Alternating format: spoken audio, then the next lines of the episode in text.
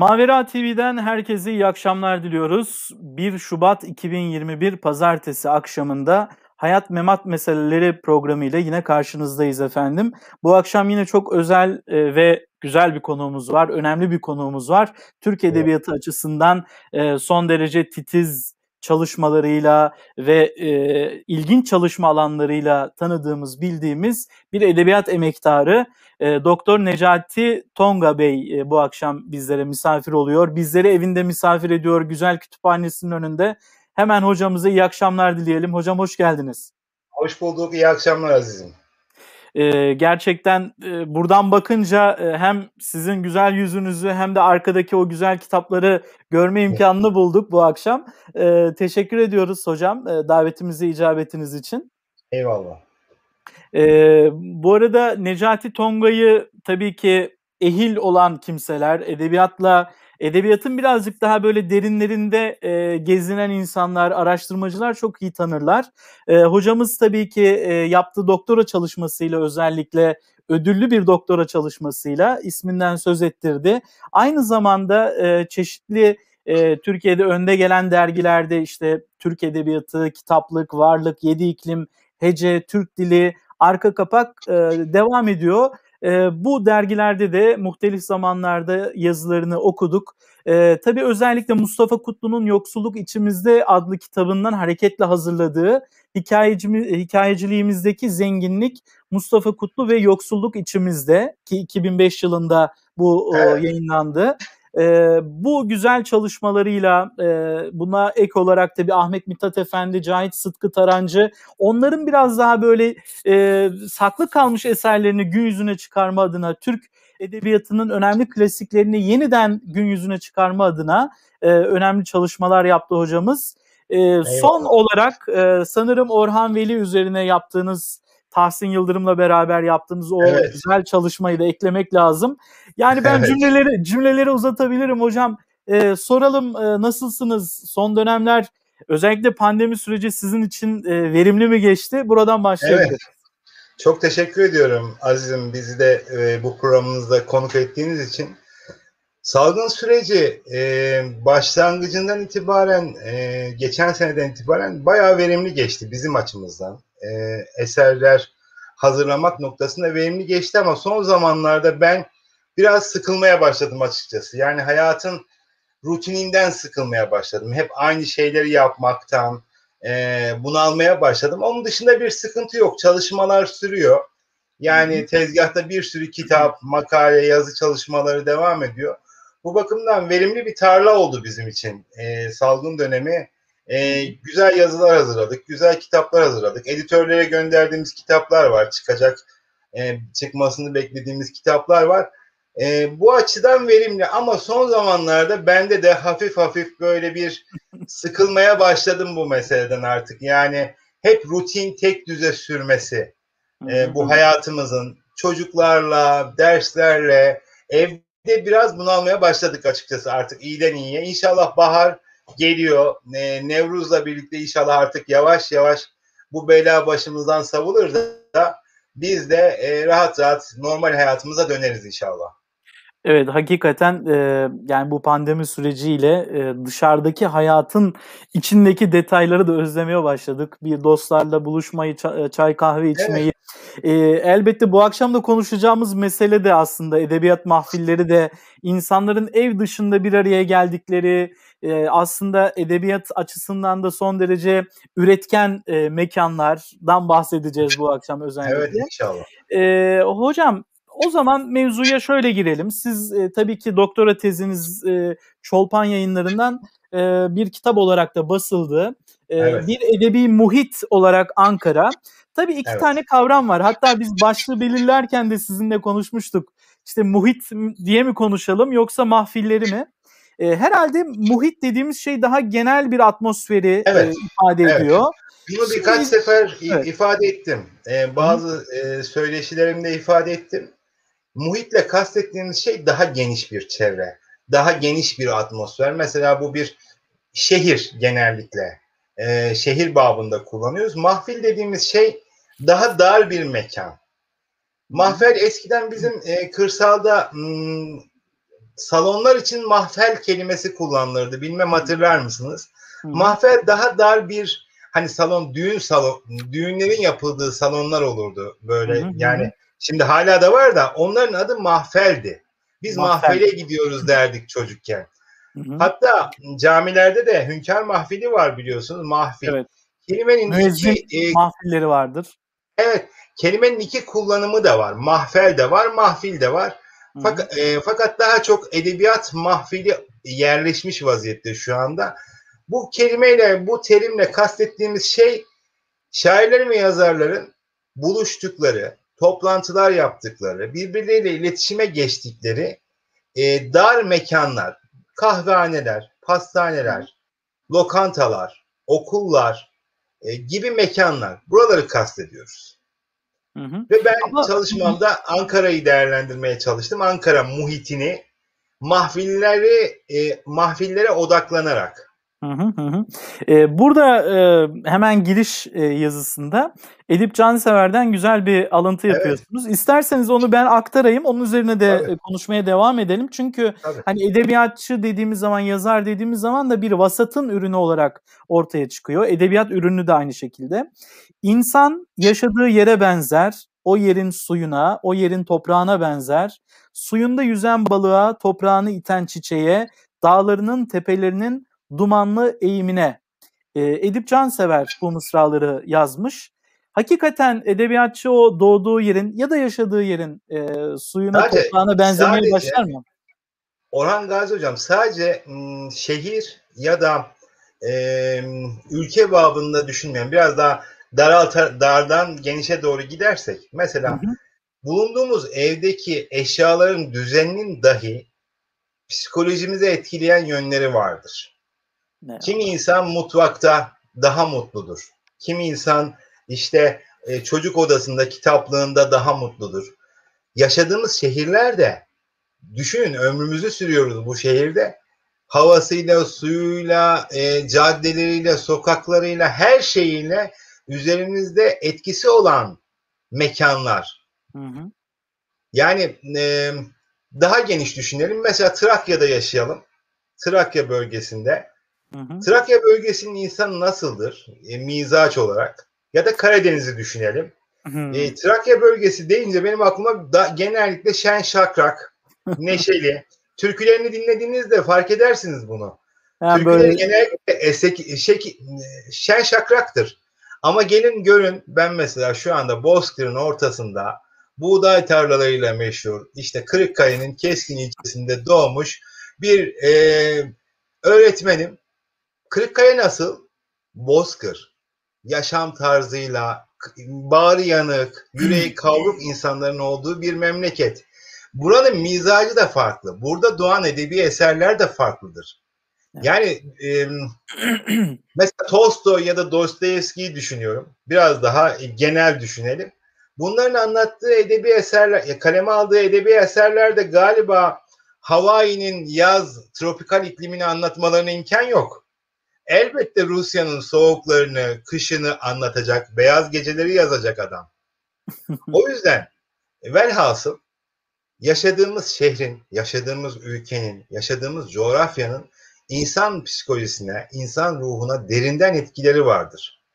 Ve biz bu geniş edebiyat manasında düşündüğümüzde edibi, şairi, yazarı yetiştiren, ona şekil veren geniş mekana muhit diyoruz. Bu hmm. muhitin de alt dalları var ki burada şairler ve yazarlar toplaşıyorlar, toplanıyorlar, e, çeşitli edebiyat sohbetleri yapıyorlar. Bunlara da mahfil diyoruz, edebiyat mahfili diyoruz. Hı hı. Bu edebiyat mahfillerindeki buluşmalar yani e, hani dediniz ya e, insanı doğduğu toprak, yaşadığı yer, hatta oturduğu oda bile etkiliyor. E, bu evet. edebiyat e, edebiyat mahfilleri daha da özelleştirdiğimiz zaman bu buluşma noktaları e, rastlantısal buluşmaların yeri mi yoksa kendi içinde zamanla kaideleri oluşan mekanlar mı acaba? Bu bu e, değerlendirmeye çalıştığımız mahfile göre değişir azizim. Yani kimi mahfil vardır, rastlantıyla ortaya çıkmıştır. Tamamen e, tesadüfen e, şairler ve yazarlar oraya gitmişlerdir. Kimileri de vardır ki 30-40 yıllık gelenekleri vardır. Oranın bazı kuralları vardır. Şairler ve yazarlar oraya girmeye çalışırlar. Hmm. Herkes giremez. Kitabımda uzun uzun anlattım bazı mahfilleri. Evet. Mesela Nahit Hanım'ın evinden bahsettim. Hı hı. Örnek olması hasebiyle biraz ondan bahsedelim isterseniz. Tabii tabii hocam tabii ki buyurun. Nahit Hanım Halil Vedat Fıratlı'nın eşi. Geçtiğimiz yıllarda Orhan Veli'nin e, Orhan Veli'nin de aşık olduğu hanım. Aynı zamanda edebiyat öğretmeni. Geçtiğimiz yıllarda zaten aşk mektupları yayınlandı biliyorsunuz Yapı Kredi Yayınları tarafından. Nahit Hanım'ın evi Ankara'da bulunduğu dönemde pek çok şairin ve yazarın devam ettiği bir edebiyat mahfilidir ki bu mahfile girmek öyle kolay değildir. Herkes giremez. Hmm. Girmeyen, e, yani o dönemde Ankara'da olup da kalbur üstü olan e, şair ve yazarlardan pek çoğu bu mahfile devam ediyor. Gidiyor. Hmm. Kendisi bir edebiyat öğretmeni. Nahit Hanım. Hatta Gülkan Akın'ın da öğretmeni. E, mesela e, girmeye çalışan genç şair ve yazarların olduğunu ve giremediklerini biliyorum. Yani kabul etmiyor Nahit Hanım. Öyle herkesi hmm. almıyor evine. Hmm. Şimdiki Kızılay'da o, tabii o dönemde ıhlamur ağaçlarıyla kaplı Kızılay'ın ana caddesi. Orada hmm. sol kolunun üzerinde kalıyor apartman dairesi ve haftanın belli peri, belirli periyotlarında e, belirli periyotlarla yapılan e, belli kişiler davet ediliyor ve gidiyorlar. Benzer bir durum Muğla e, Suud Kemal Yetkin'in Edebiyat hı hı. Evleri projesinde var. Hı. E, o da böyle daveti usulü kendi arkadaş çevresi e, etrafında dönüyor. Herkesi hı hı. almıyorlar mesela. Hı. Ama hı. rastlantısal dediğimiz rastlantısal dediğimiz mesela bir 15. yıl kahvesi var e, Ulus civarında bu kahvehaneye o dönemde toplumcu gerçekçi şairler ve yazarlar e, gitmeye başlıyorlar. Oranın gediklisi oluyorlar. Belki atmosferden, belki orası daha sıcak geliyor. Burası da rastlantısal bir şekilde oluşuyor. Hmm. Tamamen evet. tesadüfi. Mesela gidiyor şairler. Ahmet Arif gidiyor. İşte o dönemdeki e, daha çok sol dünya görüşüne mensup kişiler gidiyorlar. Hı hı. Yani meşrebe göre e, de değişebiliyor bu buluşma adresleri. Tabii. Hı hı. Tabii. Hocam biraz daha Ama geriye mesela... E, geriye dönük e, olarak baktığımızda yani böyle bir bir araya gelme, edebiyatın böyle meclislerde neşvi neva bulması e, bizim daha önceki klasik dönemimizde de olan bir şey mi? Mesela Osmanlı Tabii. dönemine baktığımız Tabii. zaman o divan şairlerinin meclisleri, Hatta o divan e, ismi de oradan gelir bir e, şeye göre de. Hani rivayete göre. Tabii evet, bir toplantı. Biraz daha filmi oradan sarsak hocam. Olur, olur söyleyelim. Ee, Türk Edebiyatı'nda e, muhitler üzerine yapılan ilk çalışma e, eski Türk Edebiyatı'nın duayen hocalarından Haluk İpek'ten hocaya aittir ve Divan Edebiyatı'na Edebi Muhitler adını taşır ki e, çok önemli bir çalışmadır. Biz de çalışmamızı e, hazırlamaya başlamadan önce elbette literatür taraması yaparken Haluk Hoca'nın kitabını gördük ve ne yapmış hoca, neleri incelemiş divan edebiyatında diye baktık. E, hoca o kitabında işte saraylar, ve, e, vezirlerin konakları, e, sultanların bulunduğu yani en alt tabakaya kadar da iniyor hoca. Kahvehanelere kadar böyle bazı işte remil e, remil dükkanı vardı. E, onlarla onlardan da bahsediyor. Hepsini değerlendirmeye çalışmış hoca. Daha sonra e, İstanbul'la ilgili çalışmalar yapıldı. Fakat e, Ankara değerlendirilmemişti. Ben Ankara'yı değerlendirmeye çalıştım işte Orhan Gazi hocam çalışmamda. Tabii Ama burada... tabii ki bir alt bir arka planı var. Bu sadece Türk edebiyatında değil. Batı edebiyatında da var. Yani hmm. Batı edebiyatında da salon edebiyatı dediğimiz kavram nereden geliyor? E, batı'dan Şövalyelerin geliyor. konakları, şövalyelerin konakları, madamların evleri özellikle 16. yüzyıldan 14. yüzyıldan itibaren pek çok şair ve yazar bu mahfillere devam ediyorlar. Fakat şimdi e, özellikle matbaanın icadına kadar mahfiller biraz daha böyle nasıl söyleyeyim devletin ve iktidarın e, çatısı altında konumlanıyor. Hmm. Yani hükümdar etrafında bir güç gösterisi olarak şairler ve yazarları toplamaya çalışıyor. Hmm. Fuzuli'yi hatırlayalım. Fuzuli niye İstanbul'a gelmek istiyordu? Hmm. Halil Nalcık Hoca'nın o e, patron ve şair Evet, e, şair ve patronda bahseder, anlatır. Şimdi matbaanın icadından sonra birey kendisinin bir varlık olduğunu fark etti. Bir fert olduğunu fark etti. Benim de gücüm var dedi. Kitap yazıyorum, şiir yazıyorum, işte telif, e, eserler kalem alıyorum. Benim de bir gücüm var dedi ve artık hami geleneğinden sıyrılmaya başladı edebiyat. Biraz hmm. daha özgürleşti. Eskiden hmm. mahfiller biraz daha e, iktidarın gölgesindeydi tabir yerindeyse. Fakat hmm.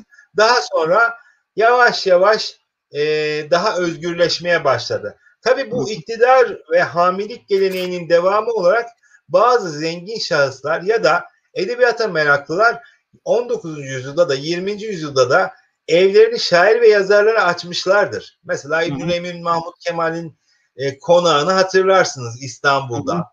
Hı hı. E, İsmail Hami Danışment'in evini hatırlarsınız. İşte Ankara'da da bunun devamı mahiyetinde Ankara'da da Nahit Hanım'ın evi var mesela. Ondan hı bahsettik. E, Ama hocam e, evi var. Ee, özür dilerim araya giriyorum ama e, şimdi Tanzimat döneminde tamam. bahsettiğiniz isimlerle beraber işte Hersek'le Arif Hikmet Bey'in o Lale'deki evine de e, temas evet. ediyorsunuz. E, mesela İstanbul e, gerçekten tartışmasız bir şekilde imparatorluğun e, merkezi e, yani saray orada, devlet oradan yönetiliyor, e, birçok iktisadi e, şey orada dönüyor yani iktisadi işletme, e, ekonominin kalbi, her şeyin kalbi İstanbul. İstanbul'dan işte milli mücadele yıllarıyla beraber e, Ankara'ya karşı siyasi merkezinde bir kayışı söz konusu. E, bu evet. mahfillerin edebiyatın da kayışı buna paralel olarak ilerliyor değil mi? Elbette. Elbette. Yani hemen genel kaygımızı, genel genel düsturumuzu ortaya koyalım. Edebiyat, siyasetin, ekonominin canlı olduğu yerlerde daha çok edebi muhitler ortaya çıkar. Bir ve bir şehir kültürüyle ortaya çıkar. Elbette İstanbul tartışmasız yani asırlarca Osmanlı'ya payitahtlık payitahtlık yapmış bir şehir ve bir geleneği olan bir şehir. Yani bazen İstanbul'a kıyaslanıyor Ankara ve ya Ankara gri bir şehir. Ee, yani tam şehir olamamış. Böyle alçaltıcı cümleler kuruluyor. Ben üzülüyorum. Gerçekten üzülüyorum. Objektif davranmaya çalıştım ben çalışma kitabımda ve doktora tezimi hazırlarken. Yani bu eleştirilerin olduğunu da biliyorum. Fakat Ankara mesela beni yetiştiren bir şehir. Yüksek lisansımı, doktoramı, lisansımı ben e, yaklaşık 12 yılımı Ankara'da geçirdim ve gerçekten yaşarken ben Ankara'da çok mutluydum yani. Öğrencilik yıllarımda çok mutluydum. Yani bir de Ankara Cumhuriyet'le var olmuş bir şehir değildir sadece. Hı. Ben bunu hep vurguluyorum. Ankara gerçek tarihin müthiş terkipleriyle dolu bir şehir diyor Tanpınar e, beş Hı. şehrinde. Finikler döneminden başlamak üzere Bizans, Osmanlı, Selçuklu pek çok dönemi yaşamış bir e, şehir. Ama öyle bir algı yaratılıyor ki bazen ya Ankara Denizsiz şehir. Yahu denizsiz şehir. Ne yapalım canım? Deniz mi getirelim?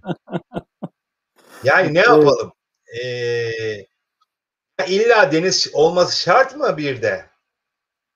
Yani hep şey anlatılır ya Yahya Kemal. Yani Ankara, An- Ankara'nın hep İstanbul'a dönüşü. Buyurun hocam buyurun özür dilerim. Hep, hep böyle hep böyle söyleniyor. Yani ben Yahya Kemal'in böyle bir cümle kurduğuna da inanmıyorum. Evet. Gerçekten inanmıyorum. Yani böyle bu, bu bir e, uydurma bir cümle olarak düşünüyorum ben bunu. Hı hı. Halbuki yani Yahya evet, Kemal seviyordur. Evet seviyordur ama Ankara'da kötü bir şehir değil ya. Ben öyle hissediyorum. Ben öyle algılıyorum yani. Hocam o zaman 1923 ile 80 arasını siz incelediniz. O ilk yıllara evet. yani meclisin açılması, o milli mücadele yılları, Halide Edipler, işte Mehmet Akifler, Ankara'yla e, bu yazarların, şairlerin, ediplerin ünsiyetleri nasıl kuruldu? İlk nerelerde kaldılar? E, nasıl bir e, macera var orada onu dinleyelim sizden. Pekala, Çünkü pekala. kitapta da ele aldınız. Dinleyicilerimiz de e, duyarsa güzel olacak. Ankara'nın edebi muhit olması yolundaki e, en önemli aşama milli mücadele merkezi olarak Ankara'nın seçilmesi. Ankara Atatürk tarafından milli mücadele merkezi olarak seçildikten sonra pek çok şair, yazar, ka kafileler halinde Ankara'ya gelmeye başlıyorlar. Çok enteresan isimler var. Yani bazıları yoldan çevriliyorlar. Hatta e, e, Nazım Hikmet, Vala Nurettin, Mehmet Akif, Halide Edip adı var, Yakup Kadri Karaosmanoğlu, Falih Rıfkı Atay. Pek çok isim var. Şimdi bu isimler geliyorlar Ankara'ya. Ankara'da e, matbuat dünyası yani sadece savaşın savaş cephesi yok. Bir de matbuat cephesi var ki matbuat cephesinde de savaşacak kalemler gerekiyor. Yani bir savaş sadece kurşunla, kılıçla yazılmıyor. Bazen de kalemler e, bazı savaşları kazandırıyorlar ki mesela Akif'e örnek alalım. Akif bulunduğu süre zarfında Taceddin dergahında İstiklal Marşı gibi muhteşem bir şiiri kaleme alıyor. Hı hı. Örnek evet. veriyorum sadece. Hı hı. E, Yakup Kadri yazılarıyla, Halide Edip yazılarıyla, e, Nazım Hikmet Kuvayi Milliye Destanı'yla e, bu mücadelenin haklılığına e, haklılığından bahsediyor ve bu mücadeleyi ele alıyor. Hocam evet. bunu bunu yazarlardan bahsettiğiniz isimlerden e, bizatihi Atatürk mü istiyor? Yani bu konuda kalem oynatmalarını, bir mücadelenin de burada verilmesi gerektiğini Atatürk mü istiyor e, bu yazarlardan? Yani hepsi için değil ama Atatürk'ün e, ciddi manada düşünerek bu şairleri ve yazarları Ankara'ya davet ettiğini biliyoruz. Yani onu bilerek yapıyor.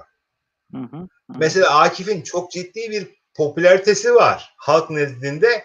Akif'in o popül popülaritesinden faydalanıyor. Ee, hmm. O Halide Edip'in aynı şekilde. Tabi bazıları ya, Nazım Hikmet falan o dönemde biraz daha genç. E, tam e, kıvamını bulmuş değil tabir yerindeyse. Hı hı. Ama bazı kişilerin e, e, bu hususiyetlerinden faydalanıyor Atatürk. Hı hı. Taceddin Dergahı, Mehmet Akif'in özellikle merkezde olduğu Taceddin Dergahı. Ee, başka mesela Handan, e, özür dilerim Halide Edip adı var.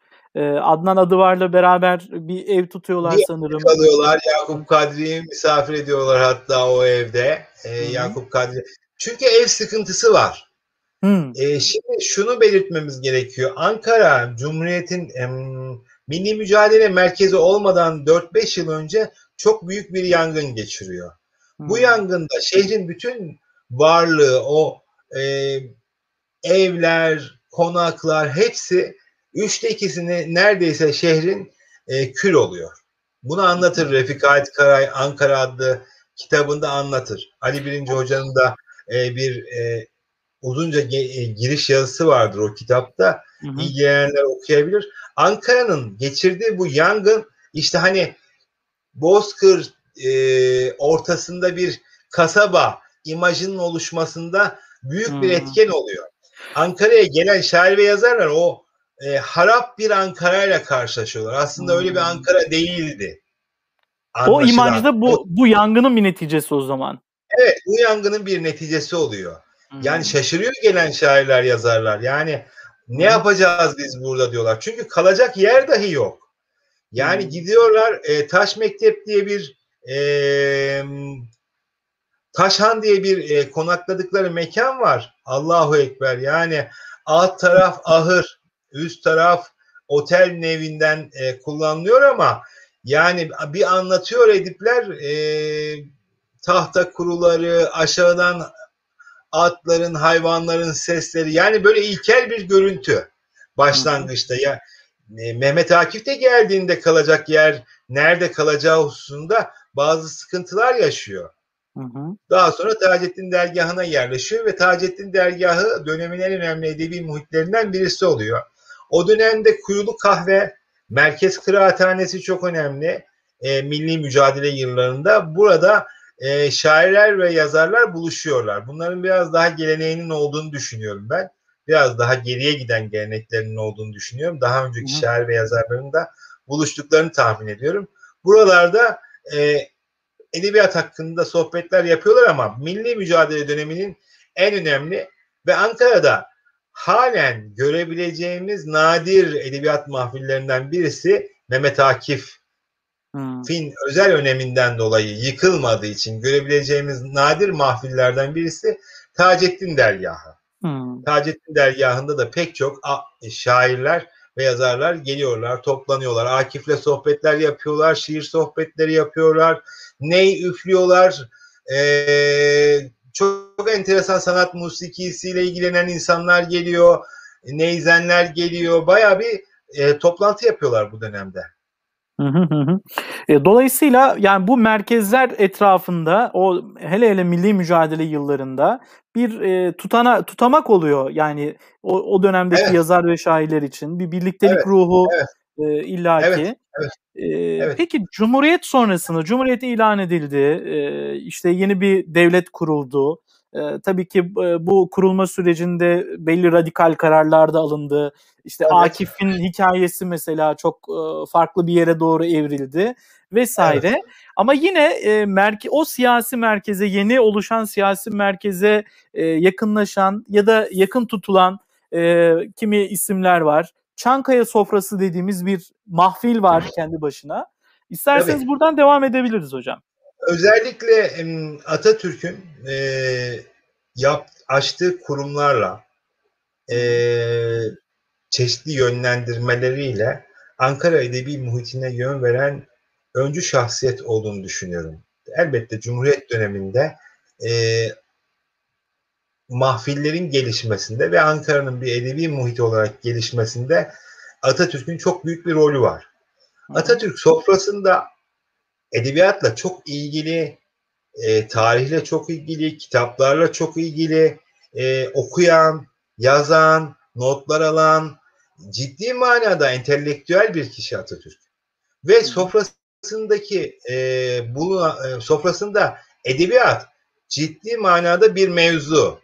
Saatlerce kitapların okunduğunu, e, bunlar üzerine notlar alındığını, tartışmaların yapıldığını Yakup Kadri Karaosmanoğlu hatıralarında anlatıyor. Hatta bir rivayet e, Yakup Kadri anlatıyor yine. E, çok farklı bir örnek olması açısından e, hatta kafamda da bir yazı fikri var. Deli piyesinden bahsetmemiz gerekiyor. Refik Ait Karay'ın Deli piyesi, Deli adlı bir oyunu var. Refik Ait o sırada e, sürgünde hı hı. E, sürgünde Deli piyesinde çok enteresan bir konusu var Deli piyesinin. Yani ihtiyar bir adamın e, uyandığında e, Osmanlı döneminde bulması, daha sonra bir, birkaç kuşağı anlatıyor. Çok enteresan bir e, roman. E, evet Deli'nin e, görüntüsü de geldi. Hı hı. Bu roman, roman dedim pardon, piyes. E, bu piyesi e, okuyorlar. Atatürk gülmekten kırılıyor. Hatta Yakup Kadri'ye göre Atatürk'ün Refik Hait'i affetmesinde ve yurda dönüşüne izin vermesinde bu piyesin büyük rolü oluyor. Sadece bu eser değil, pek çok eseri e, okuyarak yönlendirmeler yapıyor, düzeltmeler yapıyor. Yani en bildiğimiz örnekleri sadece sıralayalım. 10. yıl marşında bazı mısraları 10. yıl marşı biliyorsunuz Behçet Kemal Çağlar'la Faruk Nafiz Çamlıbel tarafından ortaklaşa kaleme alınmış bir e, metindir. Bazı mısraları Atatürk değiştiriyor e, üzerinde oynamalar yapıyor. Bazı edebi eserlere, özellikle tiyatro e, tarzında edebi eserlere e, müdahaleleri var, yönlendirmeleri var. Hı hı. Ama bazı bazı isimleri milletvekili yapıyor edebiyatçılardan. Yani bir e, şairli yazarlı meclis geleneğinin kurulmasına vesile oluyor ki e, kitabımda tablolar halinde ortaya koymaya çalıştım. Atatürk ve ondan sonraki bir dönem e, şairli yazarlı meclislerin çok yoğun olduğu bir dönem. Şu an bana sadece Azim siz de edebiyatçısınız. Bana bir tane mecliste bulunan ve edebiyatçı kimliğiyle tanınan bir isim söyleyin. Bir tane. Yani 3-5 dönem önce vardı aslında değil mi? Mesela Erdem Beyazıt vardı mı? Aklıma geldi yani mesela şimdi. Çok azaldı. Onu çok azaldı istiyorum. evet. Ama yani hocam şöyle şöyle bir şey de var. Ee, özür dilerim bölüyorum biraz da açmak için. Mesela edebiyatçıların, şairlerin böyle siyasete, aktif siyasete girmeleri yine edebiyatçılar tarafından da kınanan bir şey. Yani işin böyle bir tarafı da var. Günümüzde işte eleştiriyoruz mesela işte Yahya Kemal'i, Tanpınar'ı, o politik duruşları ve hatta politik manevraları sebebiyle, siyaset içinde yer almaları sebebiyle bir kısım insan da bunu eleştiriliyor, e, eleştiriyor. Ee, sizce o dönem için yani siz incelediniz doğru hamleler miydi bunlar? Siyasetin kalitesini yükselttiler mi bu insanlar? Siyaset kalitesi yükseltilecek bir şey değil ki Aziz'im. Ben öyle görüyorum. Yani mesela Tanpınar. Tanpınar milletvekili oluyor. Milletvekili olmak için mektuplar yazıyor arkadaşlarına, bazı tanıdığı kimselere. Ya milletvekili yapın beni de zaman kazanayım istiyor. Yani hmm. kitaplarıma zaman kazanayım, kitaplarımı rahatça yazayım diye. Netekim ee, Ankara'da bulunduğu dönemde yayınlıyor o ilk kitaplarını. Zaman gerçekten kazanıyor. Şimdi siyaset Hı. dünyası elbette edebiyatçıların orada bulunmasıyla bir bir şey kazanmaz. Çünkü si- siyaset çok hoş bir şey değildir. Fakat siyasete de bir nezaket getirir edebiyatçılar değil mi? Yani o dönemin e, nezaketi var mı? Ya sadece evet. siyaset için söylemeyelim bunu. Orhan Gazi Hocam şimdi gazete bir gazeteyi alın. Gazetelere bakın.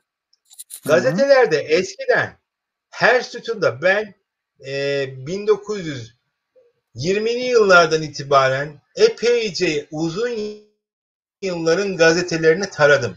Yani şimdiki köşe yazarlarına bakıyorum. Bir de o dönemdeki 30'lu 40'lı yıllardaki köşe yazılarına bak yazarlarına bakalım. Edip kimliği olan kaç tane yazar kaldı? Gazetelerimizde. Evet. Yani, yani romanların meclis... tefrika edildiği gazetelerden dediğiniz yani gazetelerden nereye geldik? Şimdiki şimdiki gazetelere bir bakıyorum. Yani ben uzunca bir zamandır gazete almıyorum ve okumuyorum yani. Sadece kitap eklerine bakıyorum bazen. Onun dışında böyle bir gazete okumuyorum. Çünkü okuma ihtiyacı duymuyorum. Ondan alacağım e, bilgiyi kitaplardan almaya almayı tercih ediyorum. Ama eskiden böyle değil ya Düşünün Peyami Safa, Nazım Hikmet, Necip Fazıl yani edebiyatımızın pek çok önemli ismi yani e, eserlerini önce gazetelerde yayınlamıştır. Yazar olarak e, bulunmuşlardır o gazetelerde. Şimdi hangi gazetede hangi edebiyatçıyı görüyorsunuz? Hı hı. Bana neye yani bağlıyor? mesela en tanınmış, Necati Tonguç'umuz neye bağlıyor bunu? En tanınmış en tanınmış romancılarımızı düşünün en tanınmış şairlerimizi düşünün. Çok azdır, nadirattandır yani böyle periyotlar halinde yazan. Çok az. Peki neden bu kısırlaşma e, oldu Türkiye'de? E, yine siyasetin belirlediği bir şey mi bu? Yoksa edebiyatçılar kendilerine başka alanlar mı buldular kendilerini ifade etmek için? E, bu herhalde çok yönlü bir soru epey bir e, bunun bence pek çok sebebi var. Mesela e, şair ve yazar gazeteden e, 1930'lu 40'lı yıllarda e, gazetelerden tefrika ücretleri, yazıları için ücretler alıyorlardı. Şimdiki yazarlar e, bunu başka kanallardan alıyorlar. Mesela reklam sektöründen, bilişim sektöründen hazırladıkları ben pek çok şair ve yazarın biliyorum ki e, reklam sektöründe çalışıyorlar. Yani bir yazıyla uğraşacaklarına bir reklam metnini yazıyor, hazırlıyor ve ondan belki bir yıl e, geçineceği e, meblağı alıyor. Hı hı. Yani evet. pek çok sebebi vardır bunun. Tabii ki kültürel düzeyde e, bir fakirleşmemizin de bence bir göstergesi. Evet. Peki Çok... Avrupa'da Avrupa'da da vaziyet aynı mı acaba? Hani e, siz tabii ki hani arşivleri inceliyorsunuz, bakıyorsunuz, kıyas e, yapmak gerekirse hala diyelim hani Japonya'da çok gazete okunur. Onların gazeteleri daha mı edebi? E, batı'daki işte Fransa'daki, İngiltere'deki gazeteler hala edebi bir şahsiyet mi? E, gösteriyorlar. Onu bilmiyorum yani. ama yani bu her zaman böyleydi. Yani batıda da önemli şairler ve yazarların mutfağı gazetelerde. Şu anda bizim gazeteler e, edebiyatın mutfağı halinde mi? Değil. Değil. dergiler var ama hocam. Siz de e, yazılar yayınlıyorsunuz, takip evet. ediyorsunuz. Evet, Allah'tan dergiler var. Allah'tan dergiler var. Yani dergiler olmasa ne yapacağız? Dergiler hakikaten önemli bir buluşma mekanı. Yani hmm, bir değişimi kastediyorum ben ya. Yani evet. bir değişim var. Bir dönüşüm Anlıyorum. var. Hı hı. Bu e, yazarların, şairlerin e, e, yani siyasetle ilgileri biraz da maişet derdiyle de alakalı. Yani şimdi Tanpınar'a baktığımız zaman, Yahya Kemal'e baktığımız zaman yani bu tercihlerinde biraz daha kabul edelim ki maişet problemi de var. Yani edebiyat Şimdi karın çok, doyurmayan bir çok şey enteresan, her zaman için. Çok enteresan, çok enteresan bir şey söyleyeceğim. Ee, kitapta e, meclise anlatırken bir isimden bahsettim. Şimdi onun üzerine bir çalışma yapıyorum. E, Halil Nihat Boztepe. Çok enteresan bir hmm, şahsiyet kendisi. E, Halil Nihat Boztepe yıllarca e, buldum şiiri. E, şiiri de okuyayım birazdan. Sayfa 105'te.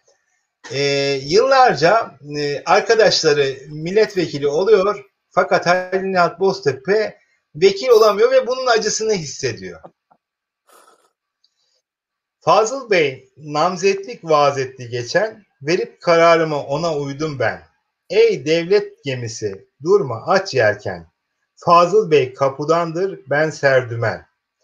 Herkes mebus, mebus olmak istiyor bugün. Ya ben durur muyum? Ne eksik benim? Yaşım da müsait, başım da düzgün. Biraz da bu yolda yıpransın tenim. Menfaat düşünmem haktır garazım, feleğe karşı da yoktur niyazım. Karadenizliyim, Lazoğlu Lazım, vatanın uğrunda ölenlerdenim. Mektebi aliden mezun değilim, şehadetnameli mecnun değilim. Şöhrete, servete meftun değilim. Efendi boş sanma, gizli madenim. Şimdi bir e, Halil Nihat'la ilgili e, bir kitap üzerine çalışıyorum şu anda. Halil Nihat çok enteresan bir adam. Hizbiyeleriyle, çok sert hizbiyeleriyle tanınan bir e, şahsiyet. Hatta e, Kurtuluş, e, Birinci Dünya Savaşı yıllarında yazdığı hicivler de pek çok şahsiyeti eleştiriyor. Yani daha sonra e, mesela Atatürk'ü eleştiriyor. Fakat Atatürk daha sonra e, Halil Nihat Boztepe'yi milletvekili yapıyor. Şimdi e, bir değişimi, dönüşümden bahsediyorum ben. Yani bu evet. öyle bir eleştiri yapıyor ki dağlarda gezen Kürklü Paşa diyor mesela. Milli hmm. mücadele döneminde. E, hmm. Ayne-i Devran kitabında, Siham-ı İlham'da. Şimdi bana böyle bir eleştiri yapan kişiyi ben milletvekili yapar mıyım? Bilmiyorum. Düşünürüm. Ama Halil Nihat Boztepe mesela milletvekili oluyor. Çok hmm. enteresan. Çok evet. garip bir olay. Evet. Karadenizliyim. Lazım, var yani onu demek istiyorum. Refik Hait Karay en fa biraz önce bahsettik deliden Refik Hait Karay e, milli mücadeleye en başta karşı çıkıyor. Daha sonra yani Atatürk bunu affediyor. Deli piyesini okuyor. Biraz önce söyledim ya. Evet, evet. Yani bir dönüşüm evet. var aslında. Evet. Yani e, dolayısıyla burada e, şairlerin, ediplerin e, pozisyonları da değişiyor zamanla. Ama buradaki evet. e, şeyleri yani taleplerini ifade şekilleri de güzel. Yani orada da bir estetik var. Hani normalde evet, bize siyasete girebilmek için bir sürü ilişki ağları kurmanız lazım, bir sürü paralar harcamanız lazım vesaire. Tabii. evet burada hoşuma gitti O da hocam. bir edebiyatı doğuruyor biliyor musunuz? O da bir edebiyatı doğuruyor. evet. Yani o istekler de Tanpınar'ın alın mektuplarını inceleyin. Ee, Zeynep Kerman Hoca hazırlamıştır dergahta. Yani arkadaşlarına e, mektuplar yazıyor Ankara'da bulunan arkadaşlarına. Ya diyor yani benim bir an evvel bu ders yükünden kurtulmam lazım. Bir an evvel kitaplarımla baş başa kalmam lazım. Yani lütfen bir milletvekilliği ayarlayın diyor. Yani düşün. Hmm. yani evet e, yani ama gerçekten, her halükarda gerçekten yani o zamanı bulabiliyor mu hocam? E, Tanpınar mesela vekil olduktan sonra gerçekten o ümit ettiği imkanları bulabiliyor mu? Bu bir, bir kısmını buluyor ki en azından maddi durumunu e, biraz düzeltiyor. en azından bazı eserlerini yayınlıyor. Eyvallah. Hocam bir şey söylüyordunuz ben kestim sanırım. Estağfurullah. Yani Tanpınar'ın e, Ankara yılları çok e, verimli geçmiştir. Ankara ciddi manada onu yetiştiren şehirlerden birisi olmuştur. Ve şehirde de uzun uzun anlatır. Özellikle hocalık yıllarında Taş Mektep'te e, hocalık yapar. Daha sonra Gazi Eğitim Enstitüsü'nde hocalık yapar. Bazı öğrencilerin de edebiyata girmelerine vesile olur. Edebiyatı sevmelerine vesile olur. Mesela örnek verelim. Ahmet Muhit Diranas. Bence Cumhuriyet dönemi Türk şiirinin en önemli isimlerinden birisidir. Çok severim kendisini. Hı. Faruk Nafiz Çamlıbel de e, Taş Mektep'te hoca öyle anlatıyor ki hatıralarında diyor ki Kızılay sokaklarında Yenişehir'de yürüdüğünde Far, Faruk Nafiz Çamlıbel sanki gökten ila, bir ilah inmiş gibi böyle yürürdü ve kadınlar pencerelerden görürlerdi. E, izleyerek geçerdi. Böyle bir anlatıyor. Faruk Nafize e, Ahmet Muhip Diranaz şiirini götürüyor. Ya sen bırak diyor şiiri diyor. Fakat aynı Ahmet Muhip Diranaz Tanpınar'ın odasına gidiyor. Bir gün kapısını çalıyor. O da perişan bir halde yani öyle bir anlatıyor, tasvir ediyor ki ayaklarını bastığında tozların izleri çıkıyor. Yani böyle dağınık. Masanın üzerinde e, işte Fransızca kitaplar, resimler, gazeteler, dergiler. Bana diyor bir saat diyor resimden bahsetti Tanpınar. Jacont'un ellerinden. Daha sonra Baudelaire'den bahsetti. Aynı şeyi Tanpınar İstanbul'da Edip Cansever'e de yapıyor. Resimden bahsediyor. Onu yönlendiriyor. Yani Ankara'nın sadece e, siyaset kimliğinin dışında bir de okulların da çok önemli bir etken olduğunu gözlemliyoruz. Bazı okullar öyle mümbit ki, öyle verimli ki e, Ankara Erkek Lisesi miydi hocam? Evet, Ankara Erkek Lisesi çok Hı-hı. önemli, çok önemli. Garip e, hareketinin merkezi, e, merkezi üç kişisi olan Oktay Rıfat'ın, Orhan Veli'nin ve Melih Cevdet'in de eğitim gördüğü lise. E, kökü daha eskilere gider. E, Turan Tanyer ağabeyimiz onunla ilgili bir kitap hazırlamıştı. Taş Mektep'le ilgili e, bir kitap hazırlamıştı. Orada uzun uzun anlatır. Taş Mektep bu dönemin bence en önemli e, mahfil konumuna gelmiş okullarından birisi. Hı hı hı. Ee, Garibi ortaya çıkarıyor en azından. Sesimiz dergisi ni yayınlıyor ve Garip orada neşvi neva bulmaya başlıyor. Hı hı. Ee, okul başka okul var mı? Yani Ankara Erkek Lisesi, Taş Mektep. E, ya mesela sonrasından bahsedelim isterseniz biraz. Hı hı. Ee, dil, e, siyasal bilgiler fakültesine bir bakalım. Hı. Mülkiye'ye evet. bir bakalım. Mülkiye'de ikinci yeninin temelinin atıldığı bir okul olmuştur. Sezai Karakoç, Cemal Süreya, Ece Ayhan, Gülten Akın. Hı. Yani onların Bunlar dostluklarını hep... mayalayan aslında yani tamam e, evet. e, bak bakış açıları evet. farklılaşıyor sonra ama onların birlikteliğini mayalayan Hadi. yer burası. Bir şey söyleyeceğim Orhan Gazi hocam. Lütfen hocam. Fikri anlamda fikri anlamda bugün mesela bugün de bir çatışma hali gözlemliyoruz ya. Sol ya da sağ bu çatışma halinin ortaya çıkması çok daha sonra. Yani hmm. 80'lerden sonra ortaya çıkıyor özellikle. Hı 70'lerden 80'lerden sonra. Öncesinde böyle bir fikri çatışma göremezsiniz fazla. Vardır. Hmm. Vardır elbette. Yani sen sağcısın ben solcuyum gibi bir ayrım çok nadirattan da olsa vardır ama bu nadirattır. Hmm. Yani mesela Cemal Süreyya ile Sezai Karakoç e, dünya görüşleri farklı da olsa otururlar saatlerce edebiyat konuşabilirler. Hı hı. Bugün için çok zordur bu bunu yapmak. Çok zor. Mesela değil Necip Fazıl'la Nazım Hikmet arasında da var değil mi e, böyle tabii, bir tabii, tabii, Daha tabii, önceki tabii. dönemlerde. Mektuplaşmalarından biliyoruz. Hı hı. Yani Sevmiyorum e, ama yani düşüncene katılmıyorum ama diyor sana saygı duyuyorum diyor. Hmm. İkisi de birbirine böyle söylüyorlar. Hı hı. Mesela Necip Fazıl e, Ankara'da e, ne kadar e, kalıyor, nerelerde takılıyor tabiri caizse. E, evet. Kimler onun kimler onun ocağında pişmeye başlıyor? E, biraz o, oraya doğru bakabilir miyiz? Tamam, tamam. Necip Fazıl İş Bankası'nda görevlendiriliyor ve Ankara'da bir süre özellikle e, ağaç mecmuasını e, çıkardığı dönemde e, Ankara'da ikamet ediyor. E, şimdi yılını tam e, hatırlayamadım. Yani yaklaşık bir 8 yıl falan e, bulunuyor.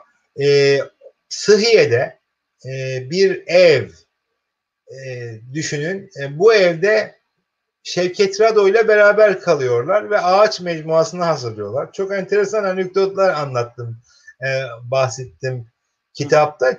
Dönemin en önemli e, lokantalarından birisi olan Karpiç'ten yemeklerini söylüyorlar. Necip Fazıl e, çok usta bir şair ama benim genel gözlemim zikzakları olan bir şair. Yani hayatı düz değil. Çok inişleri çıkışları var. Yani burjuvazi ile e, kulluk arasında gidiş gelişleri olan bir kişi. Ama usta bir şair. Gerçekten Türkçenin en güzel bazı şiirleri onun kaleminden çıkmıştır. Şu meşhur Yakacak... bahşiş bahşiş hadisesi evet, anlatacağım. Biraz bahsedeceğim. Biraz bahsedeceğim. Lütfen hocam, evet. Ee, biraz hmm, yakacak şey bulamıyorlar. İlla ama kuzineli soba istiyor. Yani bu çünkü bir İngiliz e, aristokrasisinden gelen o sevgiden biliyorsunuz o eldivenler de takar böyle bazen kolunun e, dirseğine kadar eldivenler takar. At tutkusu vardır. Çok sever atı. Yani böyle biraz e, İngiliz aristokrasisine bir e, özenme de vardır. Özenme de vardır. Yakacak şey bulamıyorlar. Ağaç, ağaç dergisinin klişelerini yakıyorlar sobada. Yani ne yapacağız, ne edeceğiz? Fakat evdeki temizlikçi hanımla hanım bir tane temizlikçi kadın tutuyorlar. İşte o dönemde Necip Fazıl kont, prens, prens. Şevket Radyo'da diyor ki sen de kontsun. Ondan sonra hizmetçi bir kadın da var. Ne yiyeceğiz? Yani biz kontuz. Ee, ben prensim. Ne yiyeceğiz? Yani Efendim ne yapalım diyor Şevket Rado. Ya o zaman diyor Karpiç'ten diyor. Tırnak açıyorum. Karpiç dönemin en pahalı, en lüks e, lokantasıdır. Herkes gidemez. Yani gravatla alır. E, içeriye gravatsız kişiyi almazlar Karpiç'te. Karpiç'ten hizmetçilerine dahil sabah, şey, öğlen, akşam yemek söylüyor. Enteresan. Gidiyor e, mesela bir pastanede e, o baş hikayesinden biraz bahsedelim. Nasıl diyor yani hesap geliyor. Hesap e, farklı düşünüyor. Farklı bir e, daha fazla bir ücret geliyor. Diyor ki e, nasıl diyor efendim diyor bu prensin hesabı. Tam orayı bulabildiniz mi siz Orhan Gazi Hocam? Ben Prens de, diye yani, evet. yani öyle tanınıyor çünkü. Öyle tanınıyor. O dönemde kendisini de öyle anlatıyor. Öyle evet. lanse ettiriyor. Ee, yani e, Necip Fazıl asla o şeyi yeri düşürmüyor herhalde hocam. Yani tabii, o tabii, prensliğine kesinlikle. laf kesinlikle. söyletmiyor. kesinlikle, kesinlikle. Tabii bu dönemdeki en önemli arkadaşları Tanpınar, Ahmet Kutsi Tecer. E, onlarla e, genellikle bir arada oluyor Necip Fazıl Kısakürek. Hatta bir dergi planlıyorlar, çıkartamıyorlar gerçi ama Necip Fazıl Ağaç dergisini de Ankara'da çıkartıyor biliyorsunuz. Ankara e, Ağaç'ın kadrosu da genel olarak en başta daha sonra İstanbul'a naklediliyor ama Ankara muhitinden oluşuyor.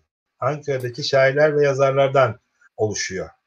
Yanlış hatırlamıyorsam e, ya Büyük Doğu'da mı Tanpınar'dan bir yazı bekliyor. Gelmeyince bir ilan veriyor. Bir birisinden yazı bekliyoruz falan diye. Evet. Öyle bir şey de hatırlıyorum hocam. evet evet öyle bir şey vardı doğru. Evet. Yani burada enteresan böyle ilişkiler e, gelişiyor bu e, mahfillerde, işte lokantalarda. Mesela başka neler var hocam? Karpiç dışında işte pastaneler var. Yani başkaca mekanlar var. Mesela en önemli mekanlardan birisi benim gözlemlediğim Üç Nal meyhanesi. Üç Nal e, meyhanesi. Bu e, Orhan Veli Kanık ve arkadaşlarının e, Orhan Veli'nin e, Taş Mektep'teki buldunuz galiba o şeyi. Ha ağaç evet ağaç yazarları evet. Tanpınar aranıyor evet. Kayıptır diyor. Buyurun hocam siz devam, devam edin hocam. Üç Nal Meyhanesi çok önemli. Ee, Ulus'ta açılıyor bu meyhane. Ee, Orhan Veli'nin arkadaşlarından Şinasi Baray, e, Sesimiz dergisinin de mizampajını yapan kişi. E, onun babaannesinin e, evinin alt katı bir e, şekilde enteresan eşyalarla süsleniyor ve m, misafirlerini ağırlamaya başlıyor. Yani abajürler, eski taraklar, tarihi eserler, kitaplar, Mısır koçanları, nalınlar, Yemeniler yani böyle çok e, otantik bir mekan oluşturuyor ve dönemin pek çok edebiyatçısı o dönemde e, bu mekanın e, müdavimi oluyor. Bu mekana has bir defter var. Yani şu an defter bir e, gazetecide, gazetecide duruyor. Yayınlanmadı ne yazık ki. O deftere o mekanla ilgili e, şairlerin ve yazarların fikirlerini e, belirten cümleler kuruyorlar. Benim en enteresan gördüğüm mekanlardan birisi Üç Nal'dı. Daha sonra tabii pastaneler döneminden bahsetmemiz gerekiyor ki hı hı. yani kahvehaneden bir pastaneye dönüş var. O Önce sosyal değişimi İstanbul, de izleyebiliyoruz. Evet, sosyal değişimi de izle, izle, izleyebiliyoruz. Önce İstanbul Pastanesi'nden bahsetmemiz gerekiyor. İstanbul Pastanesi Ulus'ta heykelden Hı. doğru çıkarken hemen sağ kolunun üzerinde bir mekan. Hı hı. Burası Ankara'nın en önemli edebiyat mahfili. Ee, kurucusunun çok enteresan bir hikayesi var. Ee, onu kitapta anlattım. Kurucusu bir e, yağmurlu bir günde Ankara'ya geliyor e, ve Ankara'da böyle bir kahvaneye oturuyor. Kahvanedeki kişi e, ya da lokanta sürekli rahatsız ediyor bu adamı. Yani hani şimdi de bir mekan oturursa rahatsız eder, eder garsonlar. Yani diyor ki ne yersiniz, ne içersiniz? Aradan 20 dakika geçiyor. Ne yersiniz, ne içersiniz? Yani e, İstanbul Pastanesi'nin sahibi diyor ki bir gün Ankara'da ben böyle bir mekan açacağım ve kimseye ne yersin, ne içersin diye sormayacağım. Sabahlara kadar açık olacak ve hiç kimseye böyle bir soruyla rahatsız etmeyeceğim hiç kimseyi diyor. Ve bu mekanı açıyor. İstanbul Pastanesi. İstanbul Pastanesi 24 saat açık olan bir mekan. Şairler ve yazarlar için belki de cazip olan yönü bu. 24 saat açık olması ve ne yersin ne içersin diye sorulmaması. Yani Necip Fazıl diyor ki eski Baba Ali'yi küçülterek bir dünya kurmaya çalışsak burası Ankara'da İstanbul Pastanesi'dir. Önemli gelip bir cümle gitmeyen, yani bir mekan için. Evet, e, gelip gitmeyen yok bu mahfile. Yani Ankara'da bulunup da özellikle 1930'lu yıllarla 55'lere kadar devam ediyor.